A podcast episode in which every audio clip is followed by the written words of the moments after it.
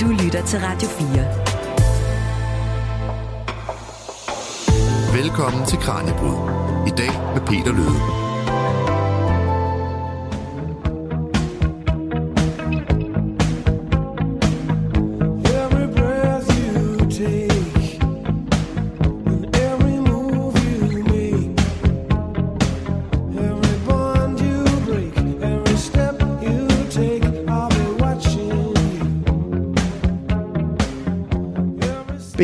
Big Brother holder øje med dig. Hvad end det er med videokameraer på gaden eller gennem din telefon. Og hvem ved, måske er der meget mere end det, som vi bare ikke kender til. En ting er i hvert fald sikkert. Du bliver overvåget i et eller andet omfang hver dag. Og de seneste par år, der har vi set en af de allerstørste overvågnings- og efterretningsskandaler blive øh, optrævlet, nemlig FE-sagen.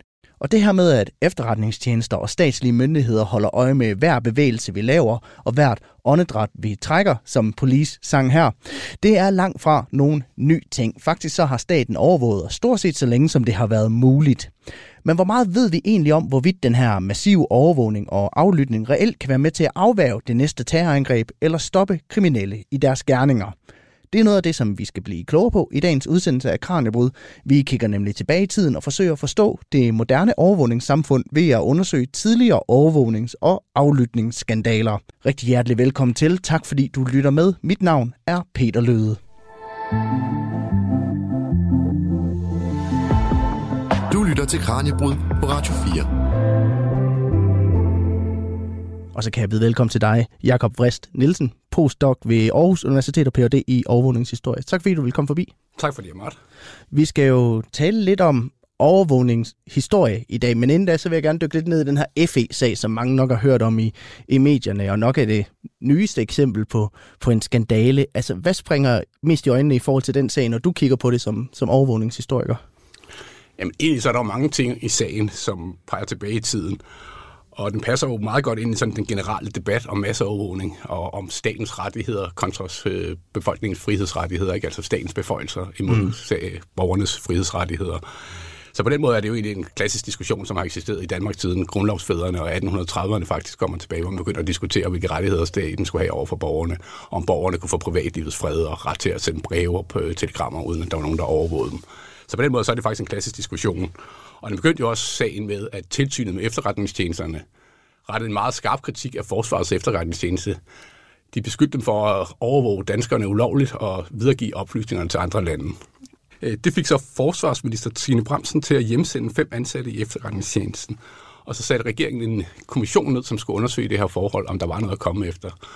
Vi vidste ikke på det tidspunkt, men en af dem, der blev sendt hjem, var jo så chefen for efterretningstjenesten. Ja, Lars Finsen. Ja. ja. og det var jo meget interessant, at han lige pludselig var beskyldt, blev beskyldt for forskellige ting. Øhm, kommissionen konkluderede så, at der ikke var noget at komme efter, at Forsvars efterretningstjeneste faktisk havde spillet inden for reglerne. Og det må jo så betyde, at regeringen, eller i hvert fald nogen i regeringen, har kendt den her overvågning og har sanktioneret den. Og alt andet ville også være mærkeligt. Det ville være meget mærkeligt, hvis man bare øh, accepteret sin overvågning uden at have kendskab til den. Næsten altid har der været nogle ministre indover, i hvert fald forsvarsministeren og statsministeren. Øhm. Så sagen er ikke så unik i din optik. Det er sådan set bare en ud af, ud af mange møgsager om, om masseovervågning. Det er det på en måde. Der er så også nogle aspekter, som vi ikke har set før, og det er klart den største skandale, der har været, netop fordi det er chefen for efterretningstjenesten, der bliver sendt hjem, og man finder ud af i siden hen, at PT har overvåget ham igennem flere måneder. Det er altså meget unikt, at en efterretningstjeneste overvåger en anden efterretningstjeneste, og især chefen for efterretningstjenesten. Og øh, de her med, med FE og PT, det bliver jo nok to instanser, vi kommer til at, at tale en lille smule om øh, i løbet af programmet. Det kan være, at vi lige skal tage fat på, fordi de, både Forsvarets efterretningstjeneste og politiets efterretningstjeneste, de er begge to efterretningstjenester. Men hvad er forskellen på dem? Jamen, man lavede en arbejdsdeling efter 2. verdenskrig, øh, hvor Forsvarets efterretningstjeneste har sådan med den udenlandske spionage at gøre, mm. mens politiets efterretningstjeneste, altså PT, håndterer den indrigske spionage. Og der er så tid, der har været konflikt mellem de to efterretningstjenester lige siden begyndelsen. Især fordi Forsvars efterretningstjeneste også drev indrigsspionage, og det fandt PT ud af. Så PT har flere gange været i gang med at overvåge dem på en eller anden måde og opklare, hvad det var for nogle sager, de egentlig havde gang i. Så derfor er der ikke meget, meget gammelt øh, magtforhold mellem de to instanser. Og det er ikke noget, man kun ser i Danmark. Det er sådan et generelt problem med efterretningstjenester. Vi så det jo også under øh, terrorangrebet mod World Trade Center i 2001. Der blev øh, opklaringen af sagen simpelthen for, forsinket, fordi CIA og FBI ikke ville dele oplysninger med hinanden. Og hvis man går tilbage til 30'erne, så var der også stor konkurrence mellem, i Tyskland mellem den militære efterretningstjeneste Abwehr og så det tyske hemmelige sikkerhedspoliti, altså Gestapo. Ja. Så det er simpelthen meget klassisk, at der er de her interne konkurrencer, ikke? men det er meget sjældent, at man så rent faktisk går ind og overvåger den ene. og det, der så er interessant med det her, det var jo, at Lars Finsen tidligere selv havde været chef for PT, så det var faktisk hans gamle medarbejder, der overvågede ham. Ja. Det må også være usandsynligt, usandsynligt meget mærkeligt for de her personer, ikke? Ja, fordi at det, det, det lyder enormt kompliceret, men det lyder også som noget, man har kastet sig ud i enormt længe, det her med at, med at overvåge. Altså, hvor passer den her sag sådan ind i dansk overvågningshistorie, hvis man kan sige det på den måde? Man kan sige, at dansk overvågningshistorie går meget, meget langt tilbage. Altså, hver gang der er kommet en ny kommunikationsteknologi på markedet, så har myndighederne reageret med censur eller overvågning. Vi så det, da Gutenbergs trykkepresse blev bredt rundt i Europa i 1400- og 1500-tallet. Så reagerede magthaverne også med censur. I 1537 fik vi en ordinans af Christian den 3., hvor han gjorde, øh, indførte forcensur på alle skrifter og alle ting, der blev trykt i Danmark.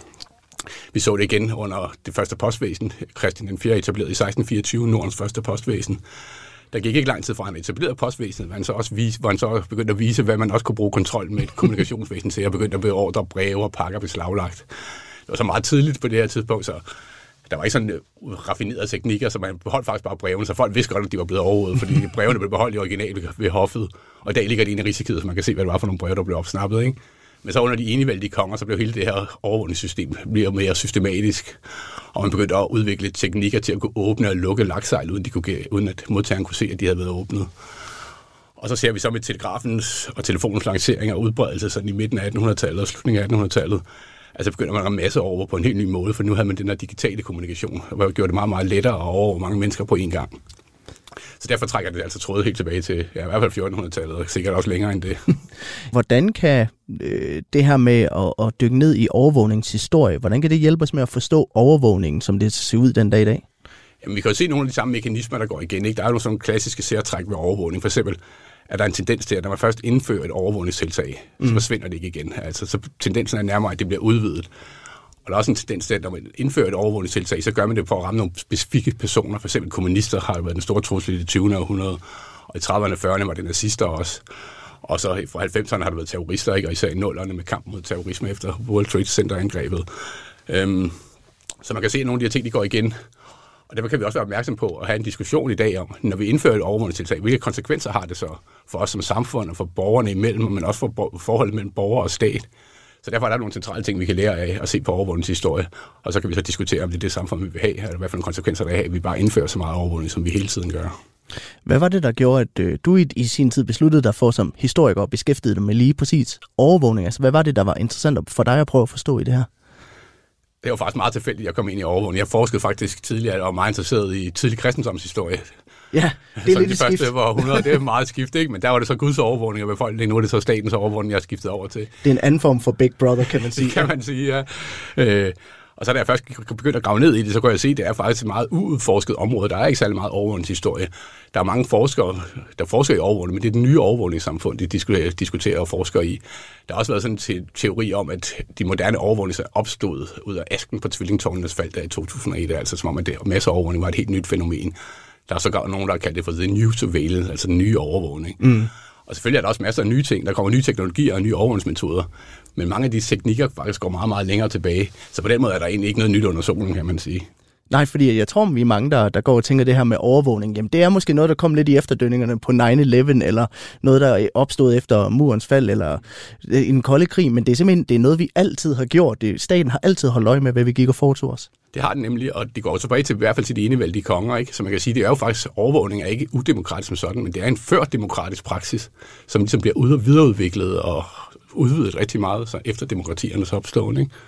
Og øh, om lidt, så skal vi se nærmere på effekterne af overvågning, for virker det overhovedet at overvåge? Det spørgsmål er måske ikke så nemt at svare på, men vi gør forsøget om lidt. Du lytter til Kranjebrud på Radio 4.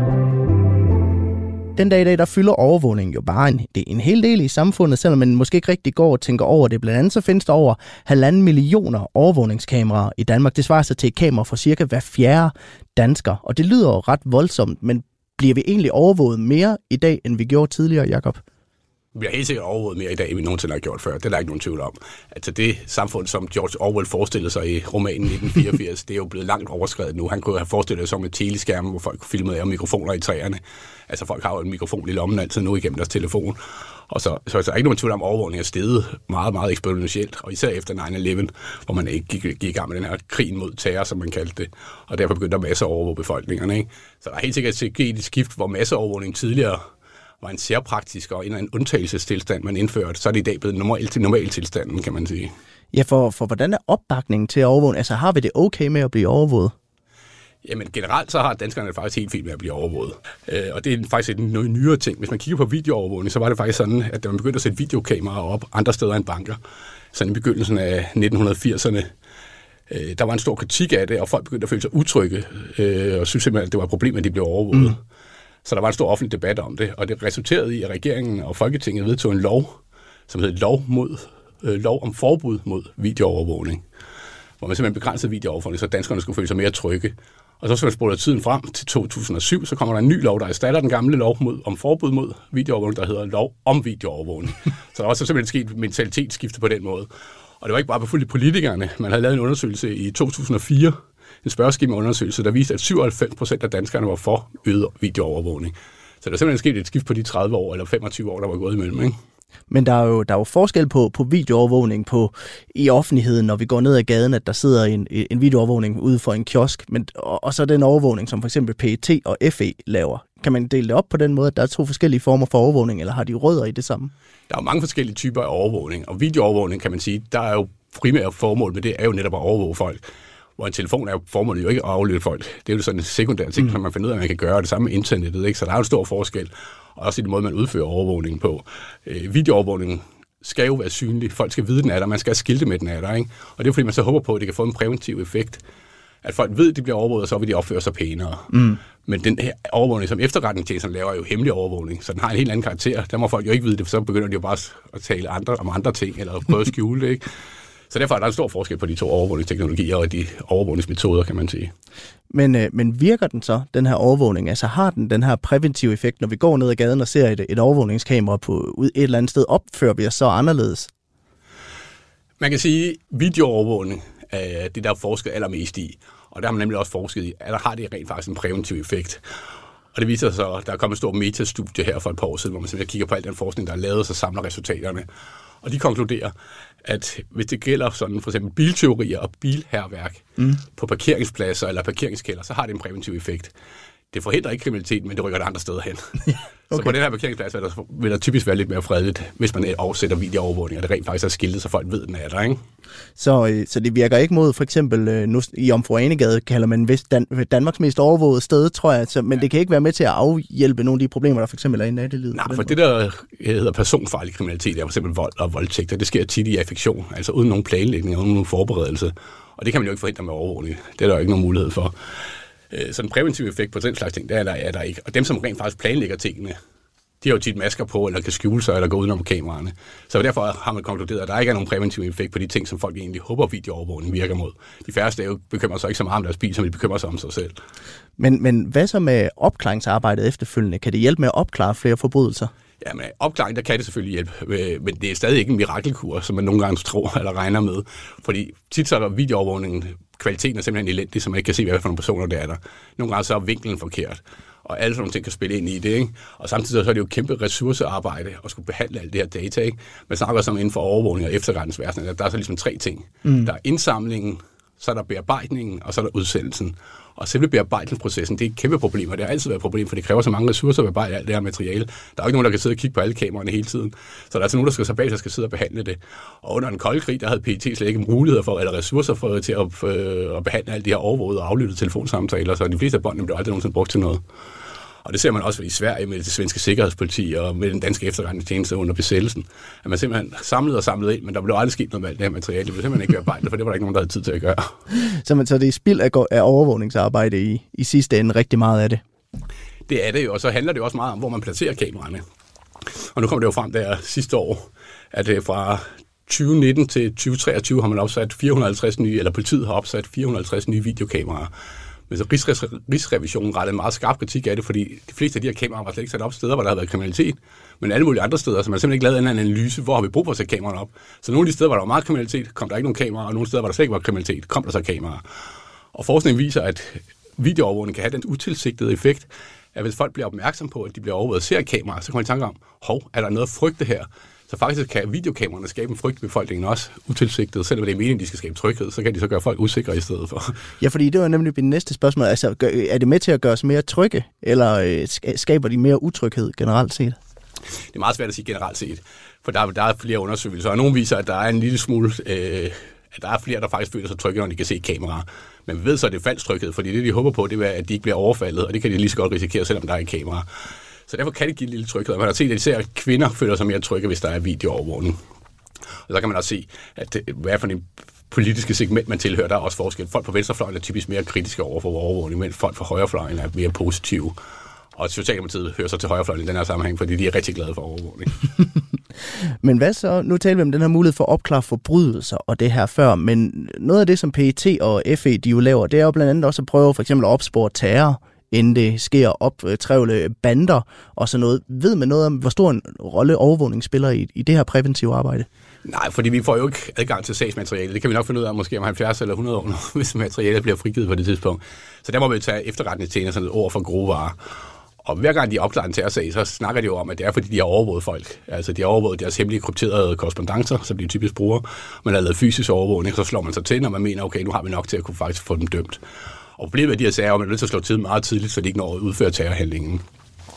Og det er, det er også nogle etiske problemer, kan man sige, ved at anholde nogen for noget, de ikke har gjort endnu. altså, der er jo sådan en form for tankepoliti over det næsten, ikke? Men det er jo sådan en, kan man sige, en gammel drøm og sådan den store utopi om overvågning, at man igennem overvågning og kontrol kan forudse fremtiden, så man kan forebygge og forhindre kriminalitet. Så det er simpelthen en stor drøm, ikke? Overvågning skal kunne forudse fremtiden, så vi simpelthen kan gøre den verden bedre. Og det er jo ikke kun politi og efterretningstjenester og staten, der har den tankegang. Det er jo ser vi også hos butikker og virksomheder og dem, der overvåger os, når vi er på internettet. De prøver også at lave en profil ud af os, så de kan se ikke bare, hvad vi har lyst til at købe lige nu og her, men også, hvad vi kommer til at have lyst til at købe om et år. Mm. Så de prøver jo også at hele tiden at forudse fremtiden ved at simpelthen lave en personlig, det man kalder en data-dobbeltgænger af dig, som vi alle sammen har. Og så ser de så, hvad er der informationer, og hvad kan folk så have lyst til om 10 år eller næste år. Så det er sådan en generelt træk. Vi så det også et sådan konkret eksempel med Netflix. Ja. De lavede jo den House of Cards-serie, der handler om en senator, der gerne vil være præsident og vil bruge alle midler for at gøre det, også at slå folk ihjel.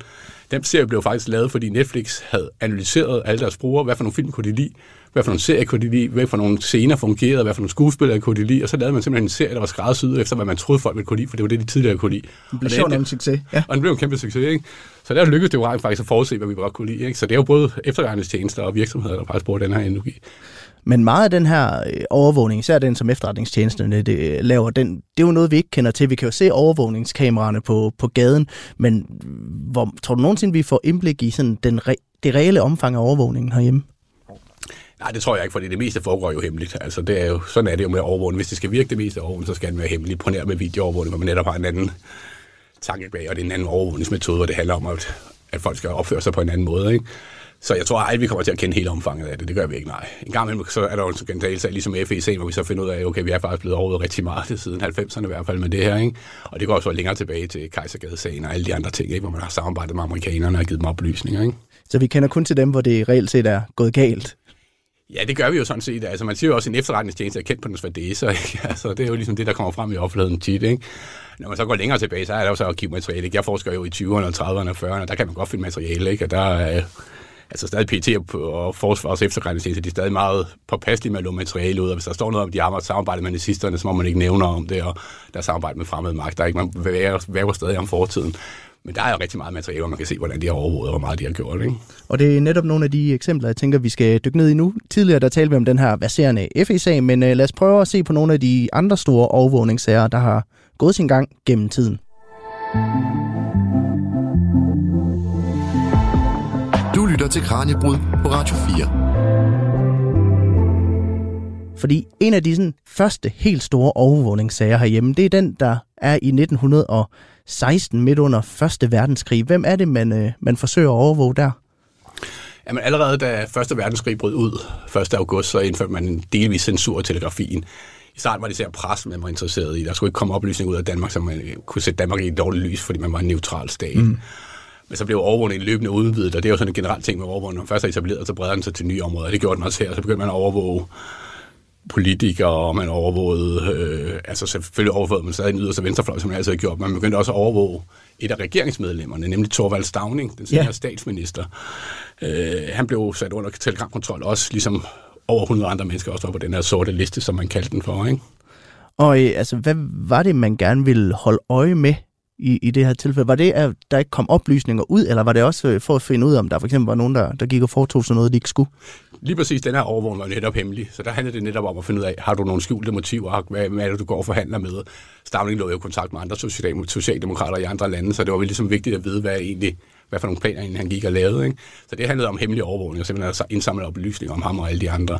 I modsætning til den almindelige telegramkontrol, som netop handlede om, at folk skulle censurere sig selv, fordi de vidste, den var der. Altså, så lige snart man ved, der er overvågning, så op, vil man jo typisk opføre sig anderledes. Det er der masser af undersøgelser, der har vist.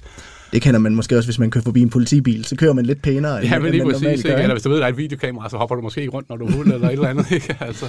Ja. Hvad er det for en diskussion, som den her sag, den så kaster af sig der, da, da, det, da den kommer frem i, i offentlighedens lys?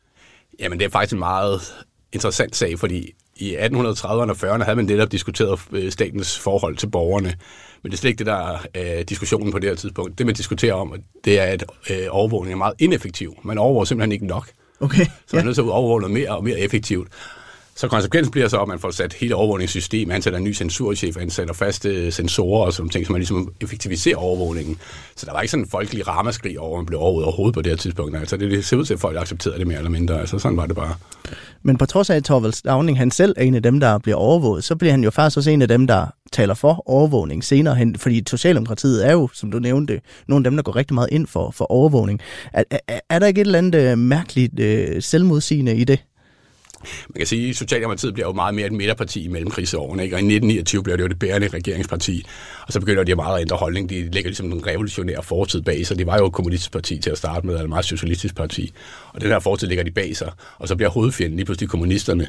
Og fordi de så er som systembærende på det her tidspunkt, så begynder de så at overvåge kommunisterne, og de begynder at overvåge nazisterne, de også bliver aktuelle der i 30'erne.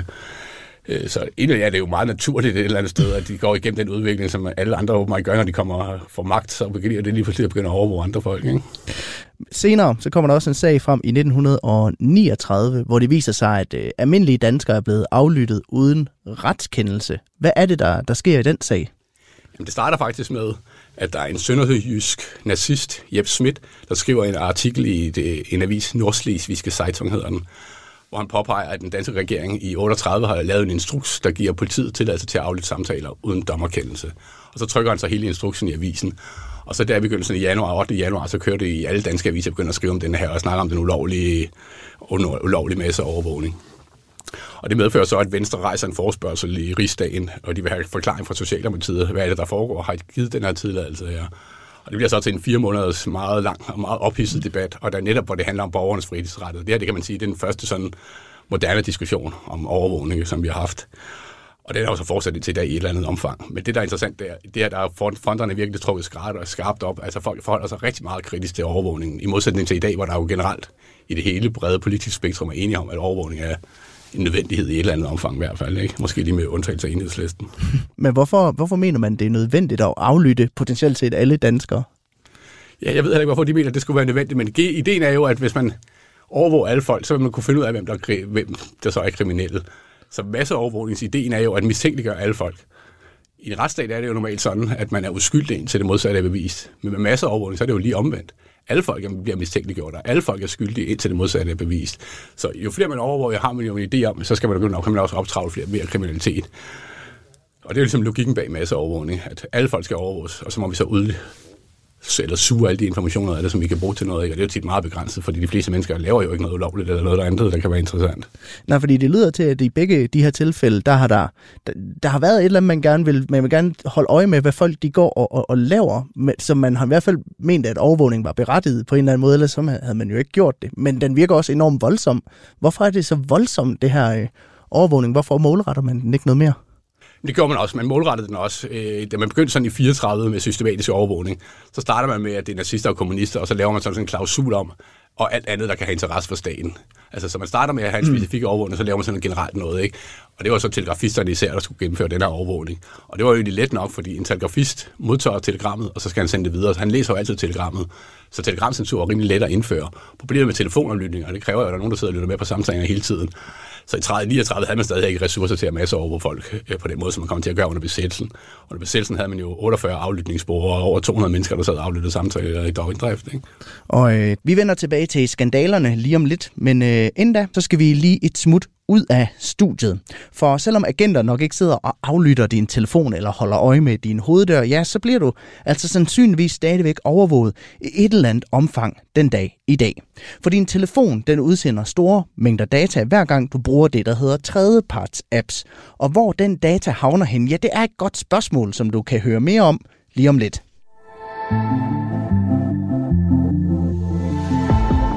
Du lytter til Kranjebrud på Radio 4.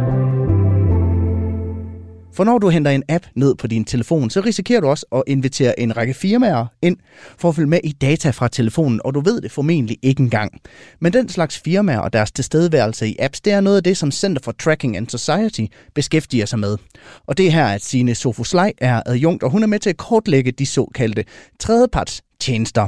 Og det er sådan en slags værktøjer eller byggeklodser, om man vil, som man kan bruge til at bygge apps med. Og appudviklerne bruger dem gerne, så de kan undgå at kode hele appen selv. Så selvom et bestemt firma står som udvikler og afsender på en app, så har en række andre firmaer så typisk leveret mindre dele af den her app. Det sparer appudviklerne for tid og problemer, fordi de her tredjepartstjenester de hjælper typisk med appens funktionalitet på en eller anden måde. Men de her tjenester, de kan dermed altså også få adgang til dataen på din telefon. Den samme adgang, som øh, mange apps har brug for for at kunne fungere.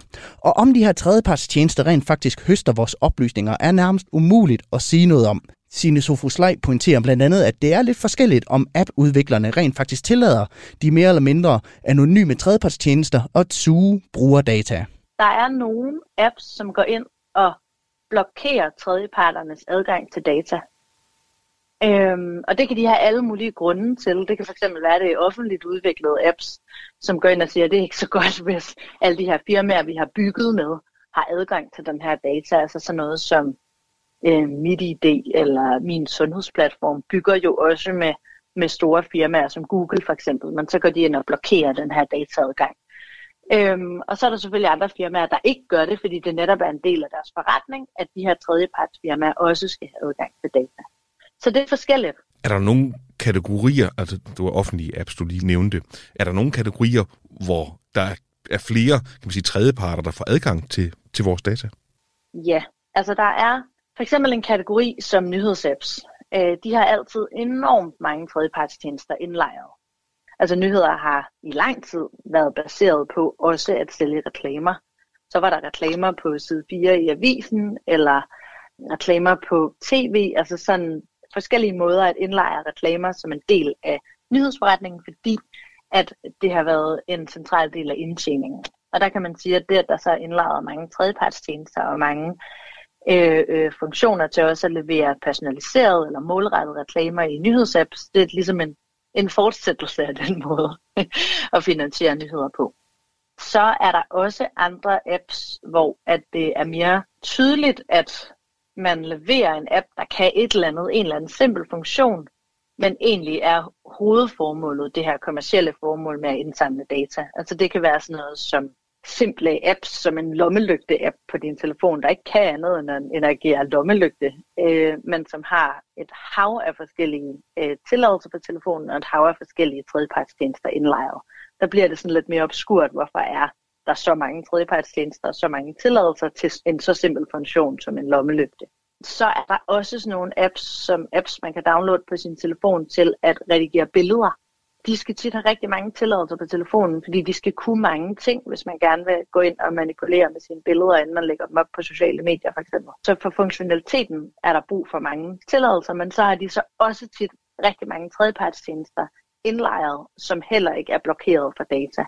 Hvis jeg skal nævne en fjerde gruppe, kunne det være sådan noget som gratis spilapps, som også tit har rigtig mange adgange, fordi de her spil skal kunne gøre en masse ting. De har tit mange funktioner, samtidig med, at det også tit er ikke bare udvikleren af spilappen, men mange forskellige aktører bag igen. Hvor mange af os er egentlig klar over, at når vi henter en app, så giver vi potentielt også adgang til vores data til en underskov af andre operatører? Øh, det tror jeg ikke, der er særlig mange af os, der er klar over. Det er klart, at der er sket noget på det seneste i de, de sidste, lad os sige, 5-10 år, hvor at helt almindelige borgere er blevet mere opmærksomme på, at der findes noget, der hedder datahøst, og der findes nogle store aktører, som er vældig interesserede i vores data.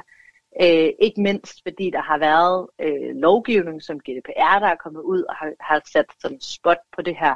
Men også sådan noget som, at når vi går på hjemmesider, så møder vi sådan en cookie pop-up, hvor der står, vi bruger cookies, og det skal du give tilladelse til.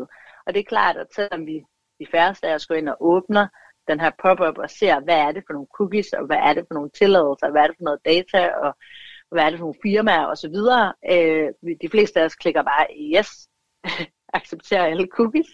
Så, så indlejer det selvfølgelig en eller anden form for bevidsthed om, okay, der foregår et eller andet her. Jeg besøger ikke bare den her hjemmeside til sydenladende, er der installeret nogle cookies fra nogle andre firmaer, og det har en eller anden form for konsekvens eller nogle implikationer. Selvfølgelig skaber det bevidsthed, at vi skal acceptere noget. Altså samtykke skaber altid bevidsthed, selvom vi så kan diskutere, hvor informeret det samtykke er. Er det noget, vi bør interessere os for noget mere? Ja, ja. Det, det mener jeg i hvert fald, at vi bør. Altså nu bruger jeg det her eksempel med, med de her cookie pop-ups. Man kunne starte med, at man skulle have det samme, når det kommer til apps igen for at gøre folk bevidste om, at en app er ikke bare en app, den består af alle de her grønne, gule, røde og blå byggeklodser, der laver det her lille legohus. og at vi skal egentlig acceptere dem alle sammen, før vi går i gang med at bruge den for eksempel. Øhm, men igen, så, så, som du også kan høre på mig, så tror jeg ikke særlig meget på det samtykke, der ligger i de her cookie pop-ups, så det er ikke fordi, at det er løsningen på det, men det er i hvert fald et sådan åbenlyst sted, hvor man burde tage fat, fordi det egentlig er de samme processer, det er bare en lidt anderledes teknologi. Øh, de her SDK'er i apps er lidt anderledes end cookies, men mange, mange af tingene, mange af funktionerne, der er der sammenfald. Men den måde, det bliver reguleret på, og den måde, der bliver holdt opsyn på det, og det her samtykke, der, det er ligesom ikke en ting på de to forskellige teknologier. Men overordnet set synes jeg jo ikke, at det bør være op til de enkelte borgere at forstå de her ting, fordi det er jo enormt teknisk og enormt komplekst, og det burde være noget, vi fra mit perspektiv regulerer mere fra politisk side, ligesom vi har reguleret så mange andre ting. Det var altså min kollega Kasper Friis, der talte med Sine Sofus Lej, der er adjunkt ved Center for Tracking and Society.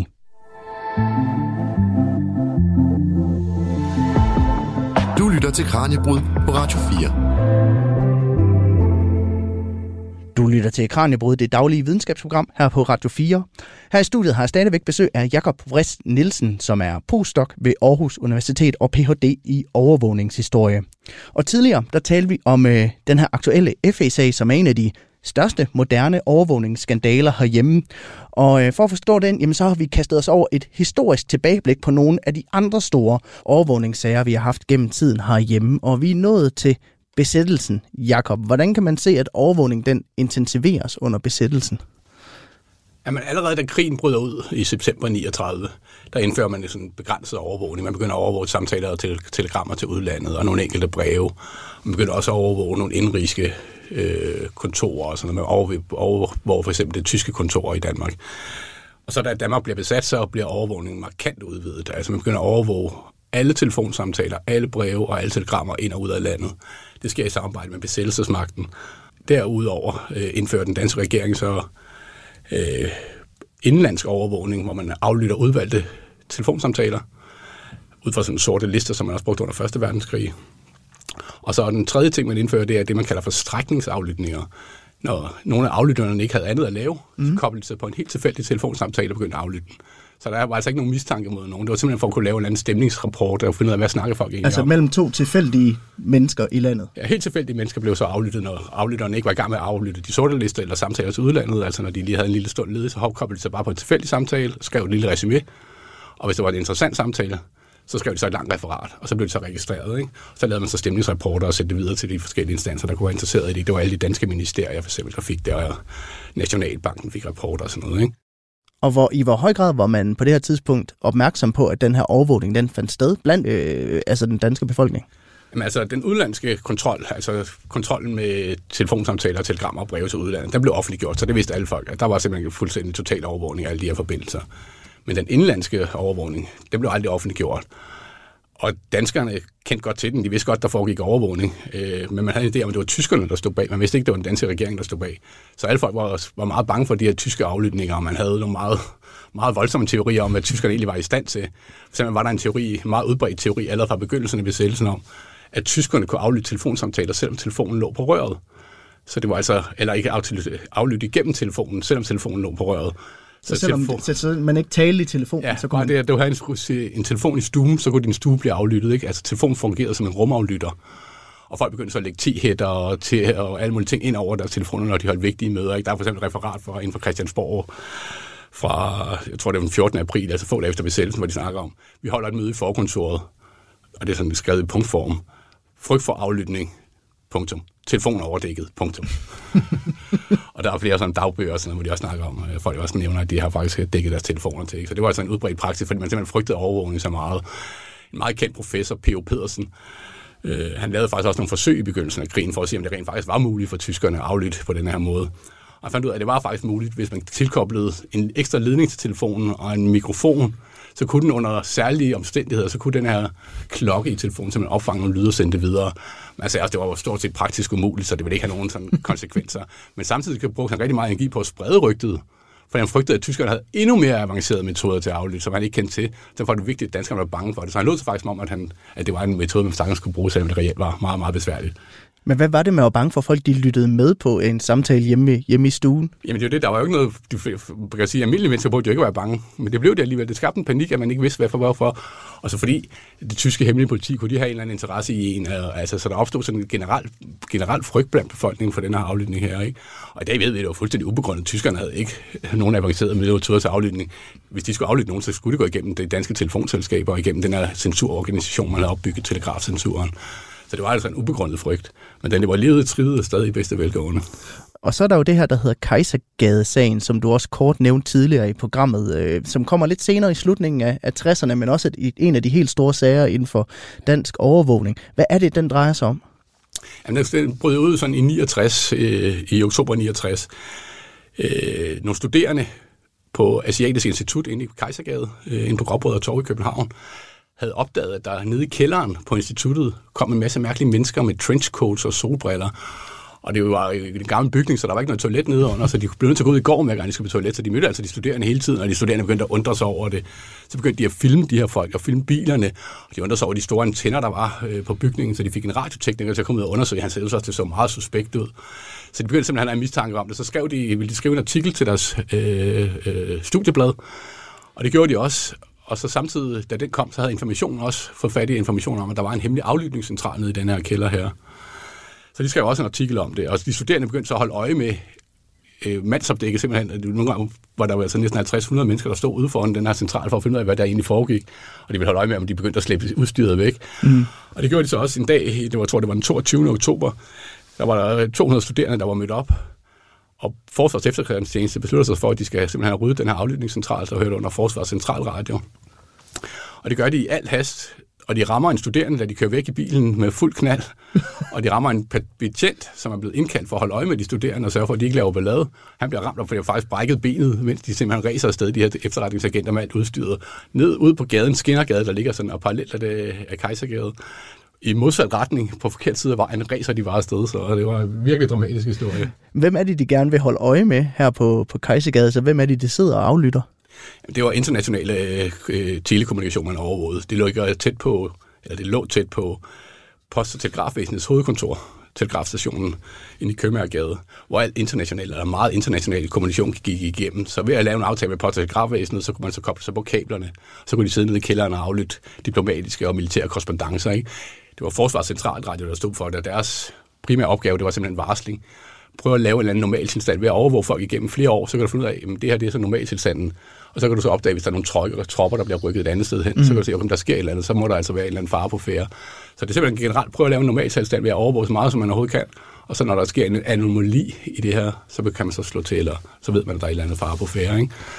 Så det var et, et samarbejde med amerikanerne igen, også ikke, hvor man så udleverede eller byttede, øh, byttede efterretninger med dem. Ikke? Hvad kastede den her sag så af sig af, af reaktioner i, i offentligheden? Ja, det var en meget stor skandale, og pressen var meget oppe i det røde felt, må man sige. Ikke? At øh, folk var sure over det, og ville have den her aflytningscentral lukket ned.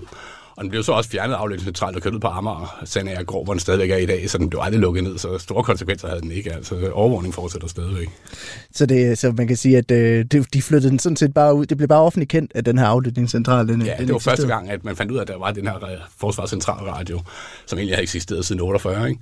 Men det var første gang, nogen rent faktisk fandt ud af, at den eksisterede. De har været rigtig gode til at hemmeligholde deres arbejde indtil da, ikke? og de har så lejet de her kontorer af Københavns Universitet uden at fortælle, eller den her kælder af Københavns Universitet uden at fortælle, hvad der foregik dernede. Så universitetet vidste heller ikke noget om det. Det påstod de i hvert fald. Og øh, de her sager, som vi har omtalt i dag, helt tilbage fra 1916 og så frem til, til den her kejsergade, altså hvad har de betydet for den overvågningspraksis, som vi så har den dag i dag? Det, jeg tror ikke, man kan ikke sige, at de har haft nogle store konsekvenser. Man fortsætter jo stadigvæk. Altså, man har jo ikke taget det til sig, kan man sige. Men man kan også samtidig sige, at små tiltag er der sket nogle af de gange, hvor man har haft over offentlige debatter. Ikke? Som jeg nævnte før i 1916 med den debat, der var der, hvor man diskuterede og kritiserede overvågning for at være ineffektiv. Der fik vi jo faktisk effektiviseret, så det blev meget mere mm. omfattende og meget bedre overvågning, kan man sige. Og diskussionen der i 39 om telefonaflytninger, den var jo i fire måneder i begge kammer i, øh, i Rigsdagen, ikke både Folketinget og Landstinget.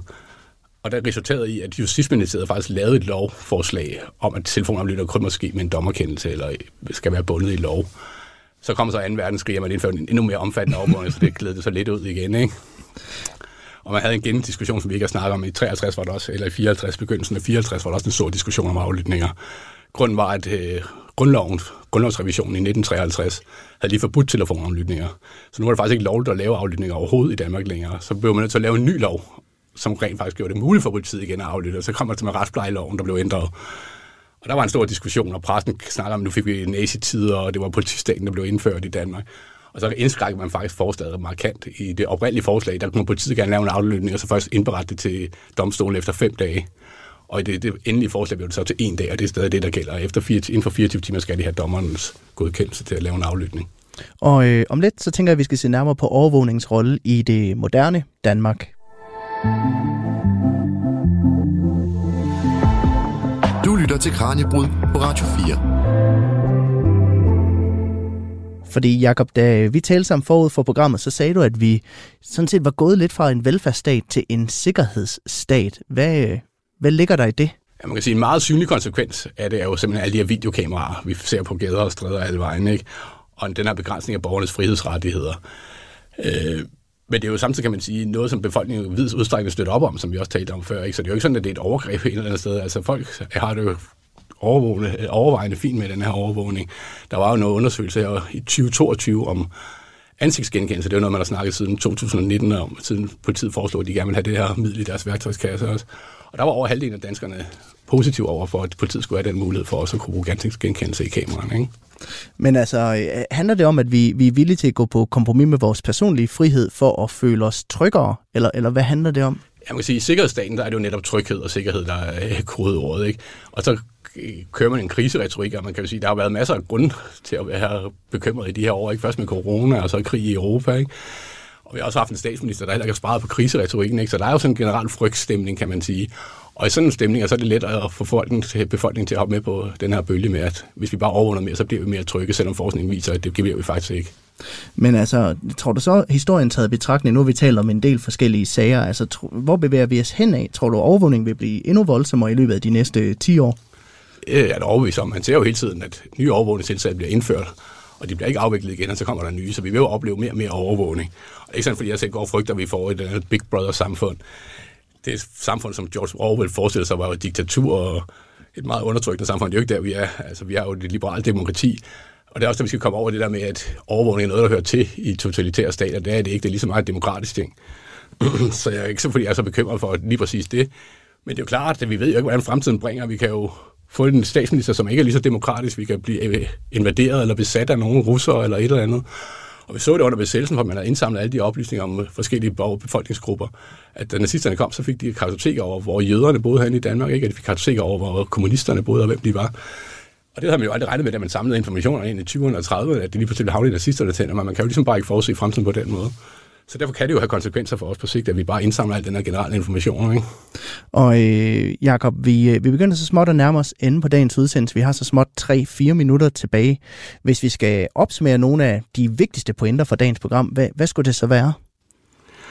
Jamen, altså, jeg synes, at det vi mangler generelt i Danmark også, det er en sådan en overordnet diskussion om, hvad er det for et samfund, vi ønsker, og ikke bare nu, men også om 10 år og 20 år hvilke konsekvenser har det for de mellemmenneskelige relationer mellem os, at det er al den her masseovervågning, og hvad har det for, for betydning for forholdet mellem stat og borgere, at vi alle sammen bliver mistænkeliggjort hele tiden. Mm. Vi ved jo reelt ikke, hvad konsekvenserne bliver, hvis det her det fortsætter. Fordi man, man kan sige, der har jo også været det i DDR og i andre diktaturområder og stater, men der har man ligesom ikke lavet befolkningen. Hvad synes egentlig om overvågning? Det var man pænt ligeglad med. Ikke? Så vi ved reelt ikke, hvad konsekvenserne er på sigt. Øh, så derfor synes jeg, at vi skal have, en, hver gang man indfører et overvågningstiltag, det sker jo ofte ved, at det er nogle enkelte minister og nogle embedsmænd i alt hast under en eller anden krise. Men i stedet bør man jo sådan at have nogle overordnede diskussioner om, hvilke konsekvenser har det, hvilken betydning har det, og hvad kan vi ellers finde på? Ikke? Det er jo ikke fordi, jeg siger ikke, at overvågning aldrig er løsningen. Jeg siger bare, at det ikke altid er løsningen. Og i det moderne samfund, der er overvågning blevet sådan en universal nøgle, eller en tryllestav, man ligesom kan få alle problemer til at forsvinde væk med. Ikke? Og det er for politikerne det er jo en måde at vise handlekraft og vise, at man gør noget ved problemerne.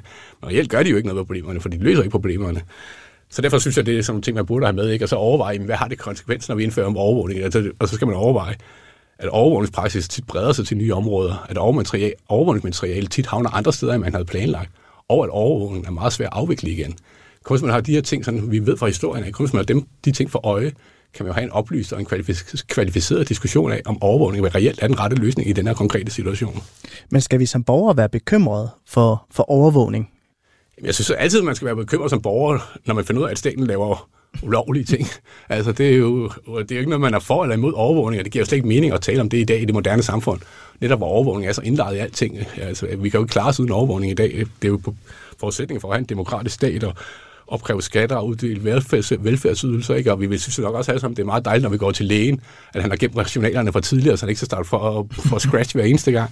Så overvågning hjælper os jo mange ting, så derfor giver det ikke mening at tale om, at man er for eller imod overvågning. Men når vi ser, at staten laver ulovlig masse overvågning, så synes jeg, at vi alle som borgere burde lige over vagt i gevær og spørge, hvor er, hvad er egentlig formålet med det? Vi har haft den her lokning siden terrorlovgivningen der 2020, hvor man bare lokker alle, data, alle danskers teledata. EU-domstolen har underkendt den, jeg tror det er syv gange eller et eller andet, og det fortsætter stadigvæk. Så vi fortsætter altså bare med det her ulovlige praksis, og det synes jeg er et problem, et demokratisk problem, som vi skal diskutere og tage hånd om. Du forsker jo selv i, i overvågningens historie. Hvad bliver det næste, som du øh, kommer til at kaste over forskningsmæssigt? Lige nu er jeg ved at skrive om, hvordan svenskerne overvågede danskerne under 2. verdenskrig i Sverige. Der var over 20.000 danskere, der flygtede til Sverige og også blandt andet den danske militære efterretningstjeneste, altså forsvars efterretningstjeneste, og de blev så overvåget, mens de var i Sverige. Så nu er jeg ved at skrive om, hvordan sikkerhedspolitiet, det svenske sikkerhedspolitiet overvågede den danske efterretningstjeneste, mens de var i Sverige. og det kan være, at vi på et tidspunkt skal, skal lave et program om, hvordan svenskerne de så holdt øje med os i, i Det synes jeg helt sikkert, vi skal. Jakob Vrist Nielsen, Jakob Vrist Nielsen, tak fordi at du øh, ville komme forbi Kranjebrød og gøre os klogere på overvågningshistorien her i dag.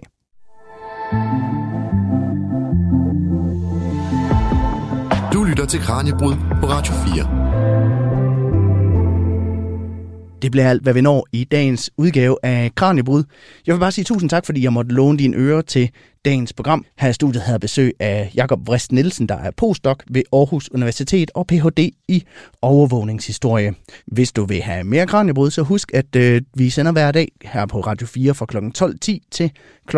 13. Derudover så kan du selvfølgelig også finde alle de tidligere udsendelser i Radio 4's app, som du kan hente ind på App Store eller på Google Play.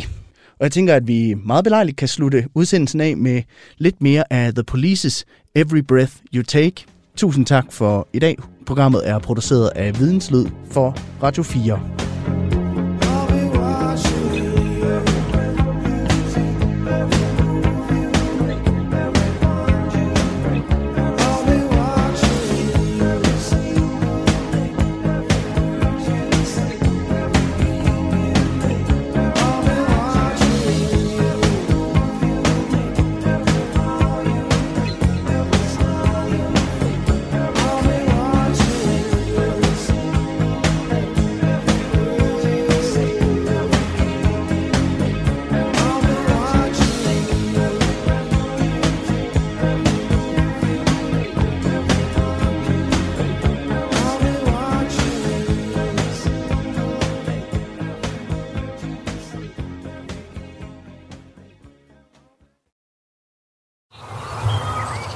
Man skal forestille sig sådan et typisk norsk landskab med små fjeldtoppe og får og geder og den slags. Drabet på den 17-årige Birgitte Tengs i 1995 er en af Norges mest omtalte morgåder. De her to betjente, de ser noget, der ligner blod på vejen og tænker, at det kan være, at der er nogen, der er i gang med at stjæle og slagte et får. Det er en fortælling om tjusket politiarbejde, Og de, øh, de sætter sig så ind i deres bil og afslutter deres vagt. mangelfuld efterforskning og en families opløsning. Hen over det næste halve år, der afhører man omkring 2.000 mennesker. Lyt med, når Krimiland gennemgår den endnu uopklarede morsag. Du finder det i Radio 4's app, eller der, hvor du lytter til podcast. Radio 4. Ikke så forudsigeligt.